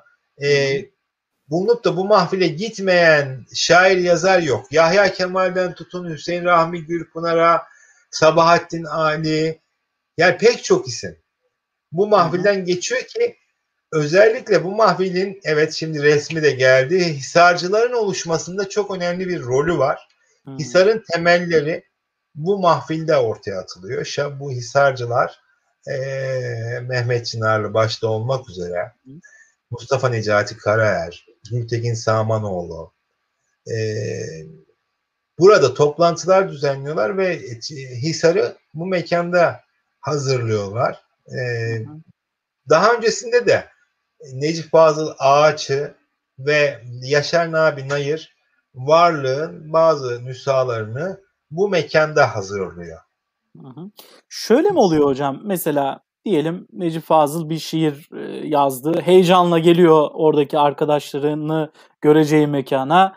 O şiirini okuyor. Sonra o şiir üzerine orada bulunan meclistekiler, e, orada bulunan insanlar e, yorum yapıyorlar. Ya da yapabiliyorlar mı bilmiyorum ama hani bu tip böyle istişareler mi yapılıyor? Nasıl bir evet, hani, bu tip nasıl gelişiyor işler? E, evet bu tip istişareler var. Evet bu tip istişareler var. Yani hepsi böyle değil ama yani bunu mesela bir edebiyat cumhuriyeti olarak düşünebilirsiniz. Bu cumhuriyete girmek istiyor bazı şair. Bu ülkenin içine girmek istiyorlar. Gençler genelde kenarda dinliyorlar. Ee, üstad e, şairleri ve e, yazarları, üstad şairler ve yazarlar sohbetler ediyorlar. Edebi eserler üzerinde düzeltmeler yapıyorlar. Genç şairler ve yazarlar bazen eserlerini okuyorlar, getiriyorlar, okuyorlar. Onların üzerinde düzeltmeler yapıyorlar. Onun fikirlerini alıyorlar, üstadın fikirlerini alıyorlar. Bazıları dergi ve gazete çıkartıyor. O gazeteleri gazetelerde eserlerini yayınlamaya çalışıyorlar. Hmm. Onun Böyle için bir, gidiyorlar ama yani, mahfillere bazen. Akredi, yani akredide olabilmek için. O atmosfere girmek istiyorlar açıkçası. Tabii eğer üstadlar cevaz verirse yeni evet, üyelerini evet. kabul edebiliyor bu mekanlar. Tabii bu e, mesela üstad dediğimizde böyle bir kanonik e, yapısı olması hasebiyle biraz Nurullah Hataç'tan bahsetmemiz gerekiyor. Nurullah Hataç dönemin bence e, en önemli belirleyici unsurlarından birisi. Yani bazı şair ve yazarlar diyorlar ki yani hatıralarını anlatıyorlar. Sırf onu görmek e, için saatlerce bir pastanede yani 10 saat beklediği oluyor mesela. Hmm. Yazısını ezberleyip bir önceki gün gazetede yazdığı yazıyı ezberleyip gelen şairler ve yazarlar var. yani enteresan. Evet, evet çok enteresan. enteresan. Ama Özel güzel bir şey değil mi hocam? Yani çok büyük bir titizlik e, içinde evet. insanlar hazırlanıyor ustanın önüne çıkabilmek tabii, için. Tabii tabii tabii. Önemli bir terbiye, önemli bir okul aynı zamanda.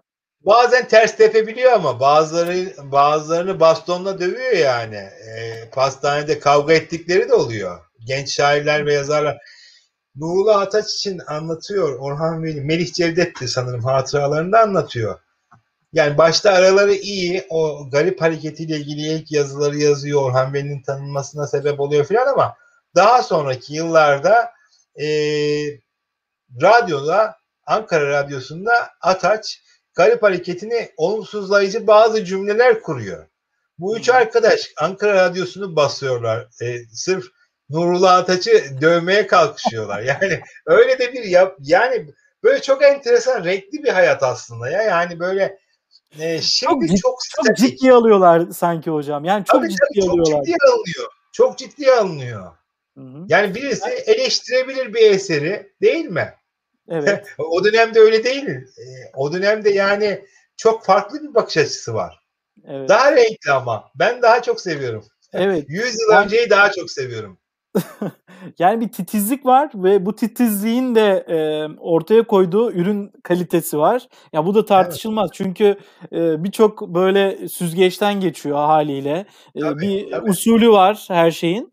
E, yani bunlar herhalde 80'e kadar yani o işte o kavgalar, dövüşler, ortalığın karışacağı o zamanlara kadar bu mahfiller e, çok önemli bir rol üstleniyorlar edebiyatımız evet, açısından. Edebiyatı, edebiyatı besleyen, edebiyat hayatını besleyen mekanlar.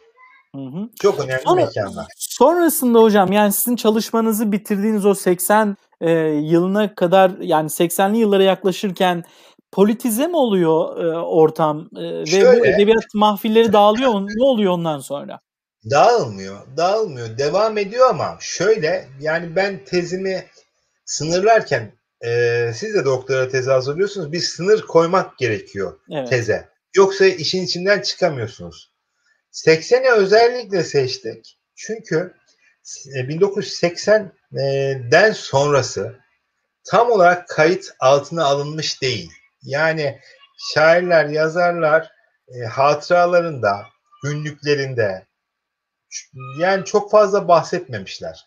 Bir de ben zaten şahsi gözlemlerimden bu mahfillerin bir azalışını gözlemlemiştim 80 sonrasında. Bunun çeşitli sebepleri var. İşte siyasi sebepleri var. Ee, bir yalnızlaşma hali, bir eve hmm. kapanma hali. Hmm. Yani şimdi yazarlar, şairler, e, gençler, edebiyata, edebiyat hayatına, edebiyat alemine girmek isteyen gençler mahfilleri mi tercih ediyor yoksa bir e-postayla editöre ulaşmayı mı tercih ediyor? Şimdi elbette var mahfil yok demiyorum ama mahfiller şu anda da var. Bazı Ankara'da ben biliyorum bazı mekanlarda şairler ve yazarlar buluşuyorlar ama bir e, editöre ulaşmak, bir dergi editörüne ulaşmak şu an çok kolay. Eskiden böyle değildi ama. Hı hı Bir maille, hemen kendinizi gösterebiliyorsunuz bir maille. Evet şu an bir maille hemen ya da başka ilişkiler vesilesiyle hemen girebiliyorsunuz edebiyat alemine.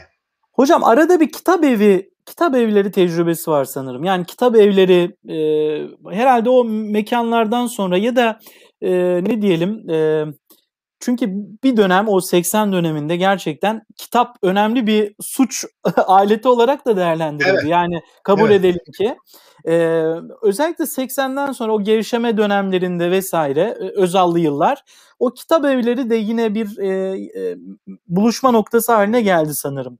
Kitap Mesela evleri Ankara'da. de 80 sonrasında da kitap evleri e, e, o fikri ayrışmanın görülebildiği mekanlar olarak görülüyor. Karşımıza hmm. çıkıyor. Yani mesela solcuların gittiği, sol dünya görüşüne mensup kimselerin gittiği kitapçılarla e, sağ dünya görüşüne mensup kimselerin gittiği kitapçılar farklılaşıyor. Hmm. Yani mesela örnek vereyim o zaman. E, Erdal Öz'ün sergi kitap evinde buluşan e, isimlerle Saatçi Musa'nın e, dükkanında buluşan kimseler arasında farklılıklar var. Fikri Saatçi Musa dediniz. Saatçi Musa dediniz. Yani nasıl evet. bir yer orası? Saatçi Musa e, çok enteresan bir mahfil. Sadece bir edebiyat mahfili değil, e, küçücük bir saatçi dükkanı. E, Musa Bey ile ben tanıştım. Ankara'da bir röportaj yaptım. E, siyasi kimliği olan birisi. Siyasi kimliği olduğu için de etrafında pek çok şairin, yazarın ve siyasetçinin de e, devam ettiği bir mahfile dönüşüyor. Onun saatçi dükkanı. Necip Fazıl, işte Nuri Pakdil, Rasim Özdenören e, gibi isimler, Turgut Özal, siyasilerden de var gidenler. Yani e, bazı isimler gidiyor. Yani edebi edebiyat dünyasını beslemesi noktasında çok bir etkinliğini gözlemleyemiyorum ama e, bir toplaşmaya işaret etmesi bakımından farklı bir toplaşmaya işaret etmesi bakımından önemli bir mahfil olarak gözlemliyorum. Bu toplumsal hayattaki değişiklikler gibi mi mesela gibi gibi gibi benziyor. Benziyor. Hı hı. Yani toplumsal hayatta, sosyal hayatta yaşadığımız değişimler ve e, yaşadığımız batılılaşma tecrübesi mahfillerin de değişmesine ve dönüşmesine sebep oluyor. Yani çok güzel örneklerinden bir tanesi piknik. Piknik hmm. normalde bugünkü e, işte burger satan e, meşhur marka adı vermeyi meşhur mekanların ilk örneklerinden birisi Ankara'da, Kızılay'da, e, Yenişehir'de e, ayaküstü yemek yenilen bir mekan. Yani böyle sosisli, ne bileyim böyle e, bu tip yemeklerin yendiği bir yer. Yani burada edebiyat konuşulur mu normalde? Yani no, edebiyat ben şahsen tercih etmem. Yani bir burgercide edebiyat konuşmayı tercih etmem. Biraz daha böyle e, daha otantik bir mekan tercih ederim. Ama hayır. Yani toplumsal hayat değişiyor ve şairler ve yazarlar da oraya gidiyorlar. Orada edebiyat konuşuyorlar. Sevgi Soysal oturuyor ki Cumhuriyet döneminin en önemli hanım yazarlarından birisidir Sevgi Soysal. Ankara'yı en e, çok anlatan, en çok dile getiren yazarlarımızdan birisidir. Sevgi Soysal oturuyor orada saatlerce e, Yenişehir'de bir öğle vakti romanını orada kaleme alıyor. Hmm. İlhan Tarus bazı hikayelerinde uzun uzun piknikten bahsediyor. Hatta pikniğin romanını yazmayı düşünüyor. Yani şunu demek istiyorum, şuna gelmek istiyorum. Mahfiller de sosyal hayattan bağımsız değildir. Toplum hayatı nasıl değişiyor, dönüşüyorsa mahfiller de ona göre şekil alır. Şu andaki içe kapanışımızı bir düşünün. Aylardır evden dışarıya çıkamıyoruz. Hepimiz bir kuşatılmış hapis hayatı içerisinde yaşıyoruz değil mi? Ne yazık ki evet. Yani bu da e, hayatımızı şekillendiriyor. Aynen o dönemde böyle, de. Böyle arayışlar, buluşlar yapıyoruz kendi. Evet ne yapıyoruz? Mesela şu an sizle e, bilgisayar atmosferinde e, karşılıklı konuşuyoruz, sohbet ediyoruz ve bunu e, izleyenler oluyor, e, istifade etmeye çalışanlar oluyor. Bir çıkış yolu. Evet. Bulmaya çalışıyoruz. Herhalde o dönemlerde de bahsettiğiniz piknik e, örneğinden e, yola çıkarak bahsettiğiniz şekilde e, o ayaküstü sohbetler ya da hani daha kısa buluşmalar e, evet. farklı tarzda bir edebiyatın da üremesine evet. e, sebep oluyor. Evet, evet, evet. Hı hı hı. Yani oradaki buluştuğunda da ama mesela bir şair ve yazar bir eserini götürüp başka bir şair ve yazara e, gösterebiliyor, okuyabiliyor. Hı hı hı.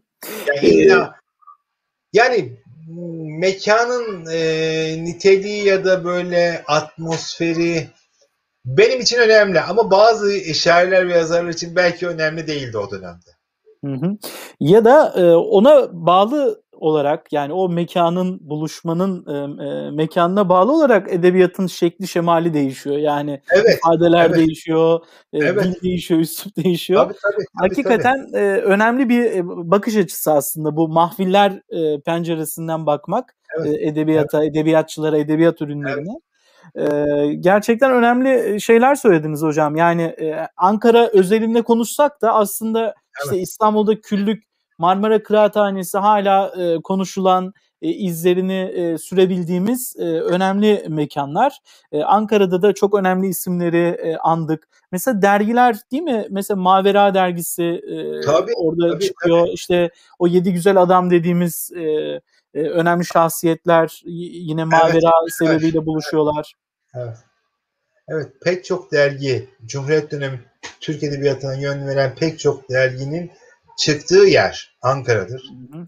Bazıları İstanbul'a nakletmiştir sonra ama yani sayalım bazılarından bahsedelim. Varlık, Lütfen. Ağaç, hı hı. Yücel, daha sonrasında Türk Dili, hı. seçilmiş hikayeler, Dost, Dönüşüm, Mavera, Edebiyat, Hece, hala da devam eden bir gelenek, edebiyat ortamı, Hı hı. Dost kitap evi var değil mi? Ankara'da çok tabii. meşhur. Hala da öyledir belki. Şimdi nasıl bilmiyorum da bizim e, ben 2000 e, yılında mezun oldum e, Ankara'da üniversiteden. Dost Kitap Evi çoğumuzun buluşma mekanıydı. Hı hı. Evet. Yani gidip orada onun kapısında buluşurduk. Kitaplar kitap evinin içerisinde gezerdik. Edebiyatla hemhal olmaya çalışırdık. Yani e, edebiyatla meşgul olanlar Dost Kitap Evi'nde, meşgul olmayanlar da Gima'nın e, hangi kapısında? Evet orada buluş. Onlar da Gima'nın önünde buluşup işte e, Gima'ya girerlerdi. Eskiden Gima vardı. Şimdi ne yazık ki ah, ah. O da o da yok. Ya hakikaten evet. hocam zaman değişiyor, buluşma şekilleri e, değişiyor. Mesela siz şu anda işte bu dijitalleşme, edebiyat dergileri takip ediyorsunuz. E, nereye doğru gidiyor? Yani özellikle bu usta çırak ilişkisi bağlamında e, yavaş yavaş hani programın sonuna da gelirken günümüzü biraz Necati Tonga'nın gözünden e, görmek isteriz. Yani bu edebiyat serüveni, bu edebiyatın e, sebep olduğu birliktelikler nasıl bir karakterde ilerliyor ve ilerleyecek sizce? Hmm, zor bir soru. nasıl ilerleyecek? Yani öngöremiyorum ki. Yani e, salgın atmosferinde, salgın e, döneminde ben edebiyat hayatının ver, verimlileştiğini düşünüyorum. Hı hı. Genel olarak gözlemlediğim şey. E, pek çok e, şairin ve yazarın e, ve araştırmacının bu dönemde eserler hazırladıklarını gözlemliyorum. Ama eskisi gibi bir e, mahfil atmosferinin oluşup oluşmayacağını tahmin edemiyorum. Çünkü e, gittikçe yalnızlaşan bir dünyadayız. Hı hı. Gittikçe bireyselleşen bir dünyadayız. Yani insanlar mahfile ihtiyaç duyuyor mu? İnsanlar bir arada konuşmaya, sohbet etmeye ihtiyaç duyuyorlar mı bunu bilmiyorum. Çünkü sohbet bir eskiden medeniyet şekliydi. Yani sohbetlerle kendimizi geliştirir, eğitir, bir şeyler öğrenirdik. Şimdi insanlar acaba sohbete ihtiyaç duyuyorlar mı? Hmm. Soru Onu da bu. bilmiyorum. Evet. Yani ihtiyaç duyuyorlar mı? Yoksa yalnızlığa mı ihtiyaç duyuyorlar? Hmm. Ama yeteri kadar ya- yalnız kaldığımızı düşünüyorum hocam. Yani böyle dediğiniz gibi e, kıymetli dostlarla çay içmek, kucaklaşmak falan evet, bunlar bunlar çok özlendi. Hocam evet. çok teşekkür ederim. Biz e, programın sonunda 3 isim ve 3 e, kelimeyle devam ediyoruz. İsterseniz evet. onlar da bizi biraz konuşturur muhtemelen. Hatta biraz da üzerinden geçtiğimiz isimler de var. Necip Fazıl, tabii bahsettik Ankara'daki hayatından ama siz de daha böyle karikatürize edecek olursanız birkaç cümleyle e, neler Fazıl, canlanıyor? Zikzakları olan usta bir şair. Eyvallah. Mesela yani... Çile Çile e, şiirleri, Çile kitabı bir, bir zamanlar çok popülerdi. Yani her evde muhakkak olur. Herkes ezbere Necip Bey, e, Bey'den böyle şiirler okur. E, şimdi mesela onun popülitesinin azaldığını düşünüyor musunuz? Necip Fazıl'ın ya da bizim bakış açımızda bir değişiklik olduğunu. Ya şöyle e, şunu fark etmiyor musun son zamanlarda yani e, çok karakterize edilmeye başlandı Necip Fazıl. Yani böyle çok e, nasıl söyleyeyim tabulaştırılmaya başlandı. Yani yanlışı yok ya da böyle tam ideal hani Mehmet Akif'e biçilen pay sanki biraz da ona da biçilmeye çalışılıyor gibi ama yani biraz işin ehli olanlar, hatıra karıştıranlar, hayatını yakından bilenler bilir ki onun da zikzakları, yanlışları vardır. O da bir insandır nihayette yani. Hmm. Ama ben çileyi elime aldığımda çok özel baskıları vardır bende. Yani böyle her baskısını almışımdır. Mesela çok severim. Ama çileyi elime aldığımda en çok e, yani bir kitabı şiir kitabını eline elime alırım. Bir, iki, bazılarında beş, bazılarında on Çile de çok fazladır sevdiğim şiir, beğendiğim şiir. Gerçekten usta bir şairdir. Usta bir üslupçudur. Üslubu vardır Necip Fazıl'ın. Bir, sadece şiirlerinde değil, düz yazılarında da öyle. Yani onu okuduğunuzda onun üslup sahibi olduğunu görürsünüz. Eyvallah. Türk Edebiyatı'nın en usta isimlerinden birisidir. Allah rahmet eylesin e, diyelim evet. e, üstada. E, Orhan Veli. Tabii Orhan Veli'yi size sormamın e, daha evet. özel bir sebebi o var. O epey uğraştığım adam. Sizi bayağı da yordu herhalde. Bu arada tabii evet. Orhan Veli'nin e, telif problemi ortadan kalktı. Değil mi hocam? Evet. Ve evet, siz de evet. yani biraz da buna paralel olarak e, haliyle e, özel bir çalışma yaptınız Tahsin Yıldırım'la beraber.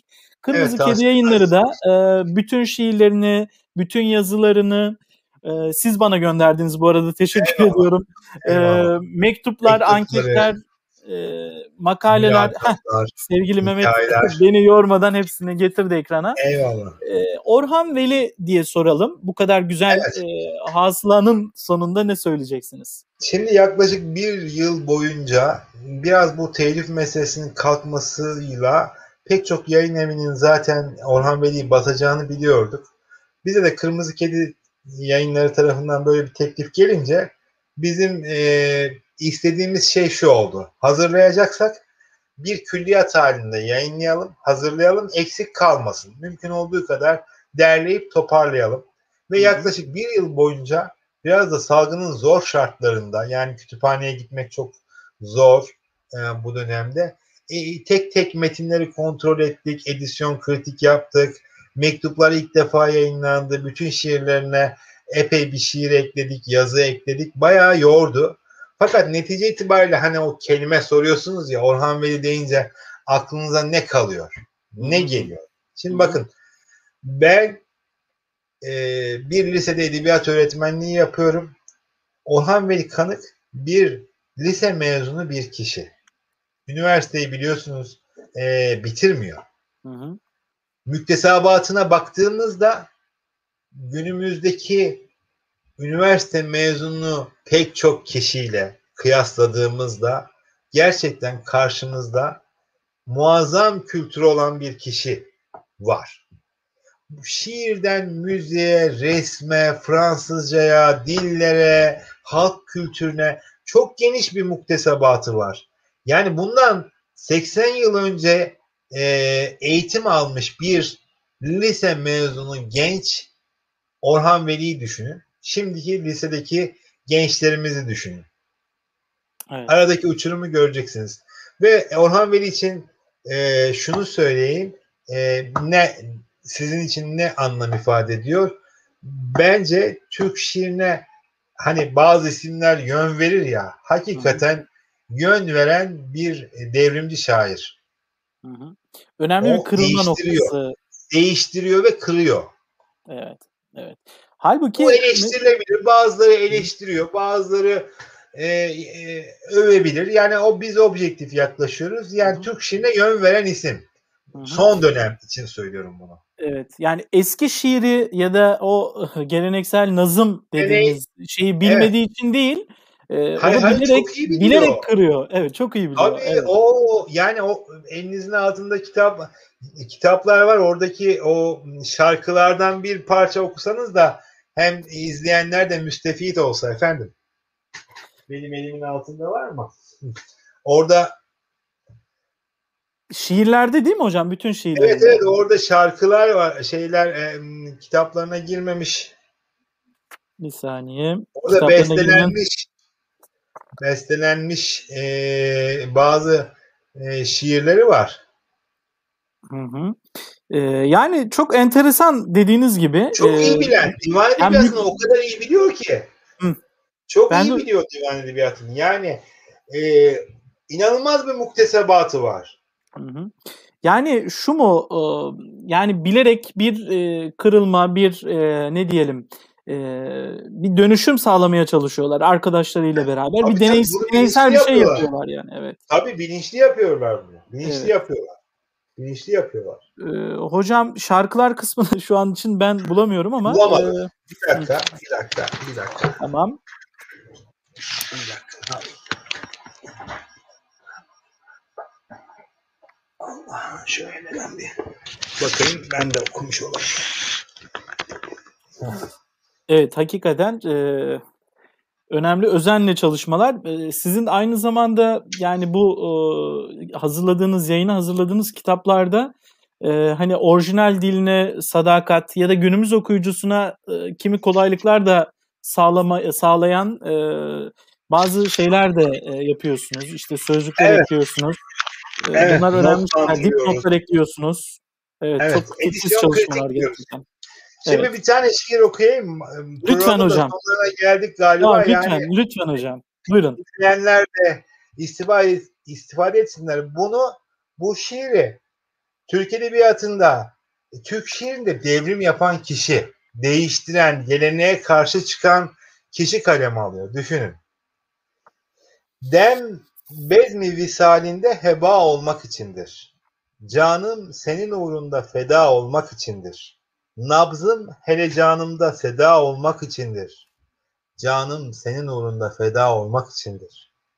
Bardak boşalır bencileyin dolmayı bilmez. Benzin gibi yaprak sararıp solmayı bilmez. Hiçbir şey canımca feda olmayı bilmez. Canım senin uğrunda feda olmak içindir. Yani müthiş bir e, eski edebiyat bilgisi var. Farkında evet, mısınız? Kesinlikle. Yani bunu aruzu iyi bilmeyen, divan edebiyatını iyi bilmeyen bir kişi bu şiiri yazamaz. Muhakkak. Orası muhakkak. Yani çok iyi bilen e, o yapacağı değişikliği de bilerek, düşünerek yapan bir kişiyle karşı karşıyayız. Evet. Ve bu şiir bestelenmiş. Hı. Tabii babası da zaten müzisyen. Mehmet Ali Sel biliyorsunuz.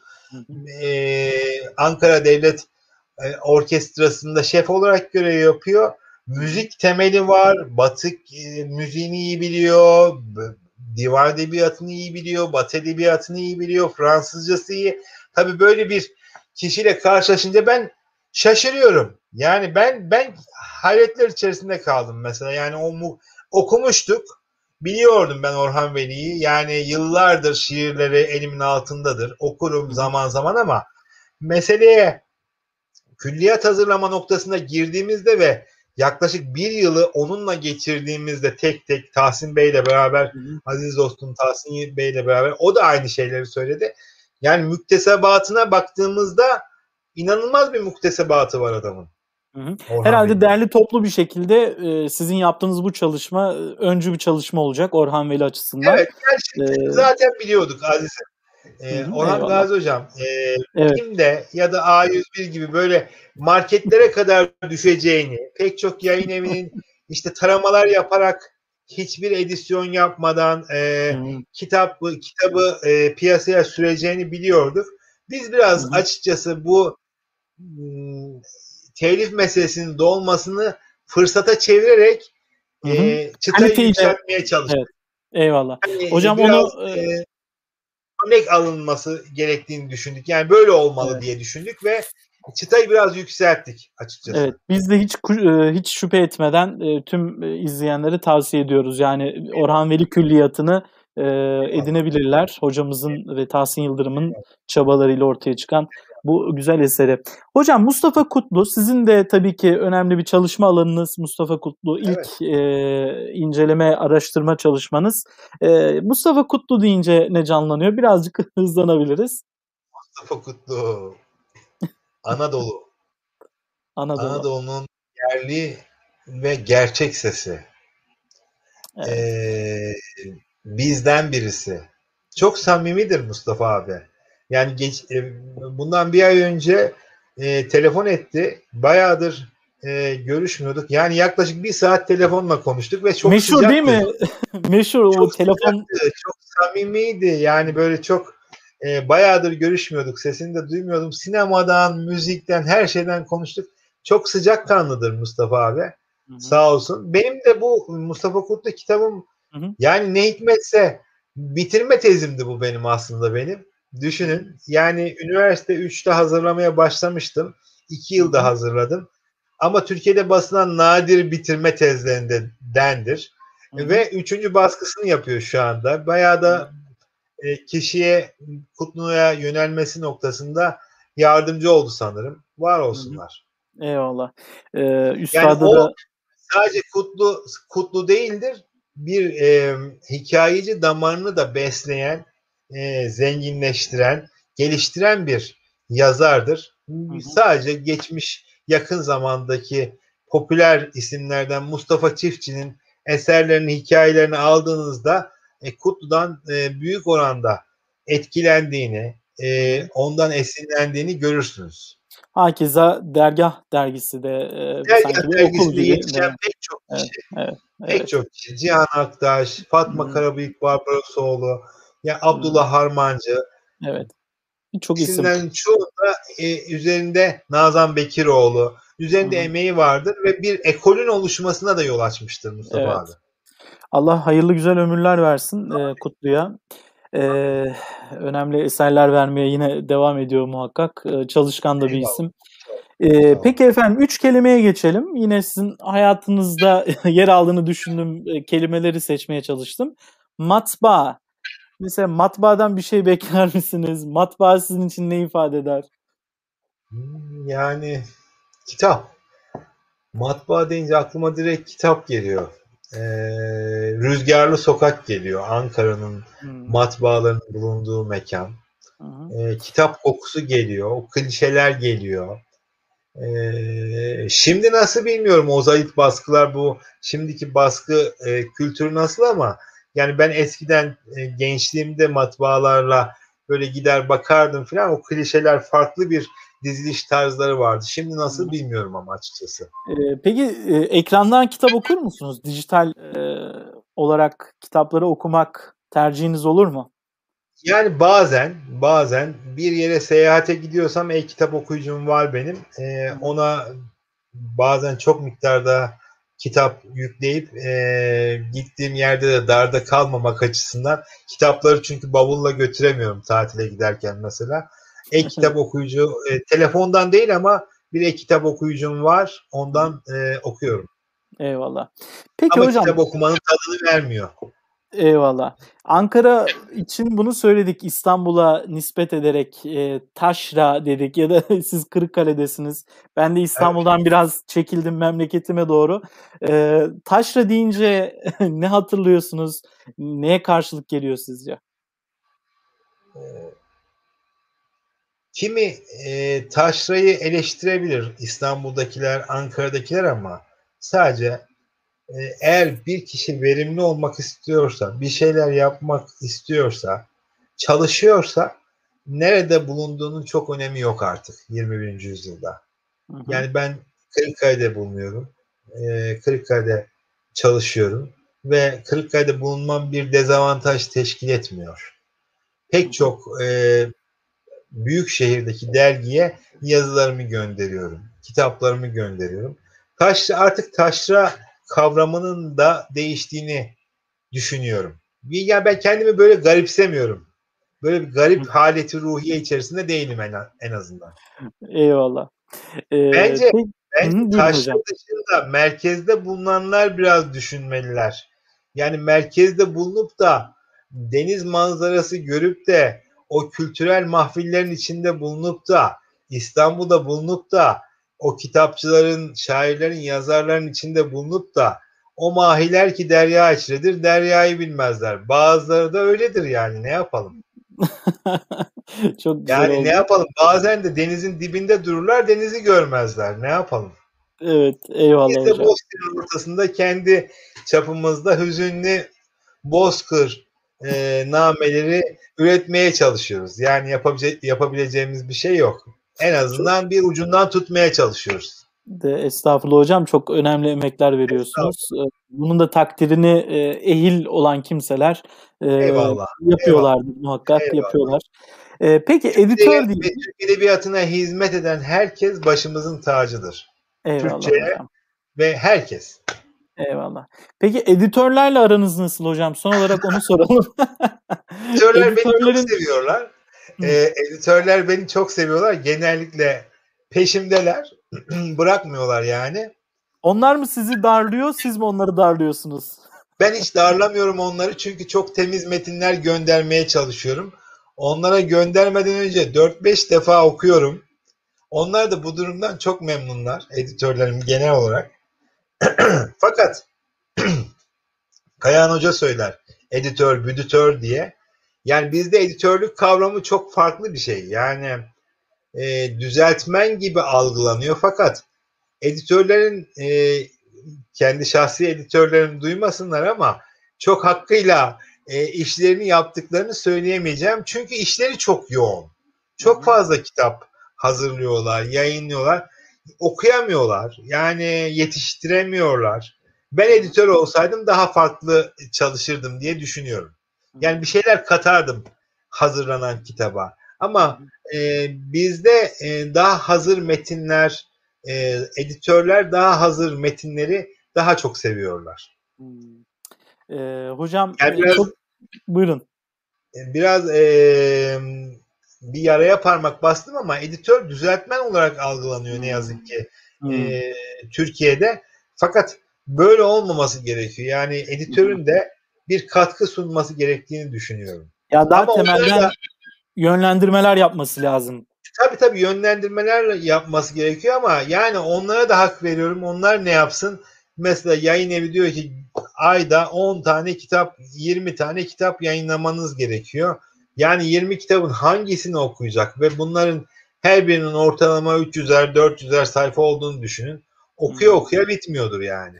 Ya zaman Onların zaman işte... böyle e, okumamazlıktan şikayet ediyoruz ama yani e, bu manada son zamanlarda işlerin biraz da kolaylaşmasıyla e, çok fazla da kitap çıkıyor. Bazen insan hani yetişemiyoruz. Öyle bir his oluşuyor insanda. Evet. Ne güzel kitaplar çıkıyor okuyamıyoruz, yetişemiyoruz diye. Siz ne düşünüyorsunuz hocam bu kadar kitap? Yet, ben ben yetiştiremiyorum. Yani gerçekten çok fazla kitap yayınlanıyor. E, ve açıkçası seçme yapıyorum. Yani okuyacağım kitaplarda hepsini okuyamıyoruz doğal olarak yani. E, bir e, seçmeye tabi tutmamız gerekiyor. Evet muhakkak. Böyle bal dururken de keçi boynuzuyla uğraşamıyorum artık yaş ilerliyor yani keçi boynuzlarından alacağım balı bir kaşık balla almayı istiyorum artık. Eyvallah. Bu önemli bir tavsiye de oldu aynı zamanda. yani. ee, o zaman hocam e, biz izleyicilerimize bu güzel kitabı e, çok özenli ve kendi evet. alanında bence de çok e, müstesna bu eseri tavsiye edelim okuyucularımıza. Eyvallah. Aynı evet. zamanda biraz önce gösterdik Orhan Veli külliyatını e, Kırmızı Kedi yayınlarından Necati hocamız evet. ve Tahsin Yıldırım'ın e, çalışmalarını e, burada takdim etmiş olalım. Hocam çok teşekkür ediyorum. Bir buçuk saati Eyvallah. tamamladık. Süreyi aştık herhalde galiba. yok bizde süre aşma olayı yok hocam. Öyle mi? 60 evet. dakika demiştik 1.30 görünüyor şimdi. O, bak. Evet 1.30 oldu. Güzel e, muhabbet güzel olunca zamanda Eyvallah. akıp geçiyor gerçekten. So- son Eyvallah. söylemek istediğiniz şeyler varsa dinleyelim hocam. Herkese muhabbetlerimi sunuyorum. Herkese selamlar, sevgiler. Edilirle, hikayeyle, romanla kalsınlar. Elbet bu salgın günleri de geçecek. Ee, ben bunu aldım ama insanlara bunu almamayı, bir şekilde edebiyatın dünyasına sığınmayı tavsiye ediyorum. Ben öyle yapmaya çalışıyorum. Artık bir süre sonra televizyon ya da filmler de kesmemeye başlıyor. Yani bir yaraya merhem olmamaya başlıyor. Her zaman edebiyat bizim yaralarımıza merhem olacak bir araç olmuştu. Bu dönemde de lütfen e, evdeki e, evde kalan arkadaşlarımız, dostlarımız, çocuklarıyla da edebiyatla içli dışlı bir şekilde geçirirlerse bahtiyar oluruz. Seviniriz biz de bu durumdan. Herkese baki selam İnşallah ve muhabbet. Hocam. Ee, biz de belki Ankara'da buluşmak nasip olur sizinle. Eyvallah. Gün mutlaka. Bu e, mahfil neresi olur? Buluştuğumuz yer neresi evet, olur bilmiyoruz ben ama bazılarını inşallah biliyorum. Sizi götüreceğim inşallah. Peki hocam çok teşekkür ediyoruz. Eyvallah. Ee, e, Hayırlı akşamlar. de İzleyicilerimize Herkese de çok selam. teşekkür ediyoruz. Güzel mesajlar yaz, yazan izleyicilerimiz de var. Hepsine selam olsun. Eyvallah. Ee, haftaya ben göremedim. Ee, sonra okuyacağım inşallah. İnşallah hocam. Çok selamlar. Yine e, kaydımız zaten YouTube'da olacak. İyi akşamlar diliyoruz. Görüşmek dileğiyle. İyi akşamlar. Dileğiyle. İyi akşamlar.